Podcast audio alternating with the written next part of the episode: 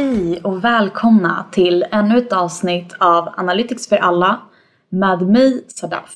Idag så kommer det att vara ett väldigt eh, intressant ämne som jag inte specifikt har erfarenhet av men har möjligheten i alla fall att läsa och lära mig så mycket.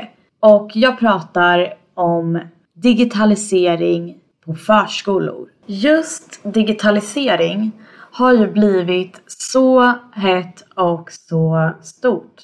Och jag tror inte att det någonsin kommer hända att det förminskas eller att det kommer att försvinna. Utan det är ju någonting som kommer fortsätta att växa i alla branscher.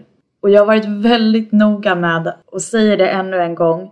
Det jag säger, ta det med en nypa salt. Det är fakta men det är också spekulationer om hur det kommer att vara framöver eller vad som kommer att hända framöver.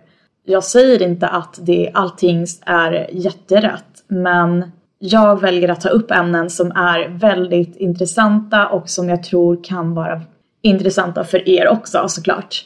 Men jag tycker att vi sätter igång med avsnittet.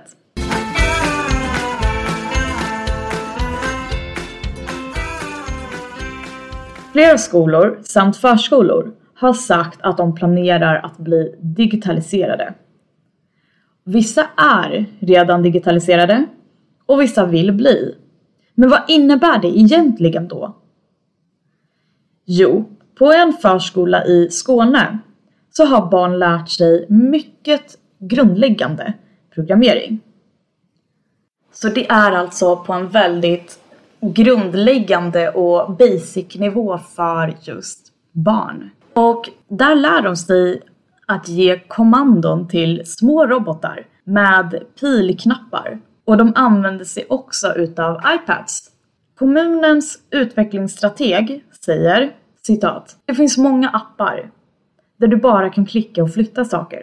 Du måste tänka på vad du faktiskt vill använda verktyget för. Tankar som minnesspel och pussel blir förmodligen inte bättre bara för att de är digitala. Men om du arbetar med saker som video, bilder och programmering är det mindre fokus på verktyget och mer fokus på det du skapar. Slutcitat.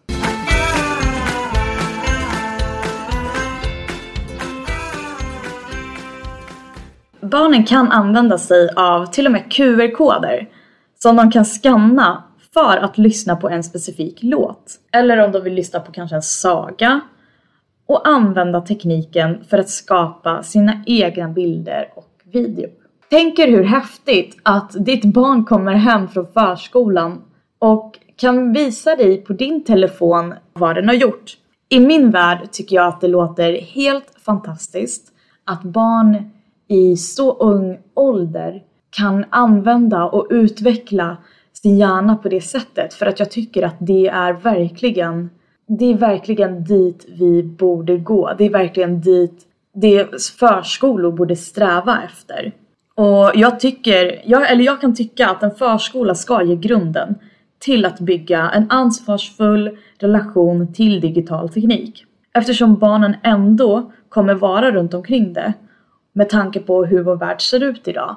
Om vi sätter oss på tunnelbanan eller på bussen eller på tåget så kan vi nog räkna med att majoriteten av de yngre barnen, det vill säga barn på förskolenivå, har en mobil, iPad eller liknande i handen som de har fått av en vuxen.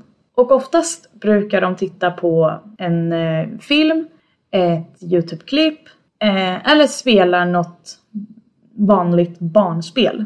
Varför inte då ge telefonen eller paddan i handen på barnet men istället låta den få utvecklas. Låta den få bygga och helt enkelt stärka hjärnan. Jag antar att det är enklare sagt än gjort. Men jag tror definitivt att om fler, vilket jag också tror finns, men att fler plattformar skapas för den yngre generationen, för bebisar, för småbarn så kommer det att hjälpa och underlätta och förstärka deras kompetens så mycket för framtiden. Och jag tror att det är där vi ska vara och det är det vi ska sträva efter som vuxna människor. Men som allt annat i teknikens värld så är det under en ständig utveckling och det kommer nog aldrig att trappas ner utan bara trappas upp. Så ha nu tid över, titta en gång. Vad finns det egentligen för appar eller spel eller liknande för småbarn för att utveckla deras kompetens, för att utveckla deras, deras intelligens.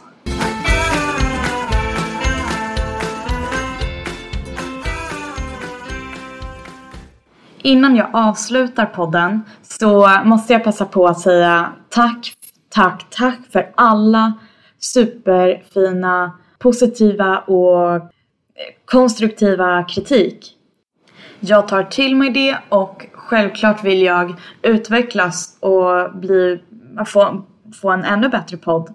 Så fortsätt att skicka in det till mig.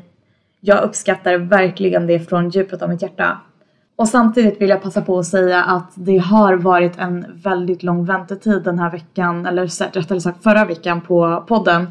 Eh, då den har fått eftersläpas på grund av att jag har haft och det, och det är ju så tråkigt att säga, jag har haft mycket att göra. Men jag har haft extremt mycket på jobbet att göra.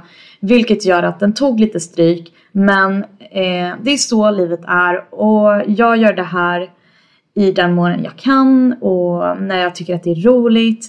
Och självklart är det roligt men det är inte kul att spela in en podcast klockan två, tre på natten när man är supertrött och superstressad på vardagarna. Eh, utan jag kände att jag behövde ta en liten paus förra veckan, samla mig, fokusera på jobbet och nu så tar vi nya tag. Sommaren börjar komma nu, närmar sig ännu mer och semestern vilket jag verkligen ser fram emot och jag ska försöka att hålla uppe det här tempot en gång i veckan och släppa liksom ett avsnitt så eh, under semestern också. Men eh, Ja, jag, jag lovar verkligen ingenting men jag kommer absolut göra mitt yttersta. För eh, det är roligt och jag drivs av, av er och jag drivs av att lära mig nya saker och lära ut nya saker. Nog tjatat. Jag önskar er en toppen, toppen vecka. Hoppas att ni får en superhärlig semester för er som går på semester den här veckan. Och för er som har, njut på. Och för er andra som arbetar, vi, vi tar oss igenom det här och vi kämpar tillsammans. Men stay tuned tills nästa avsnitt.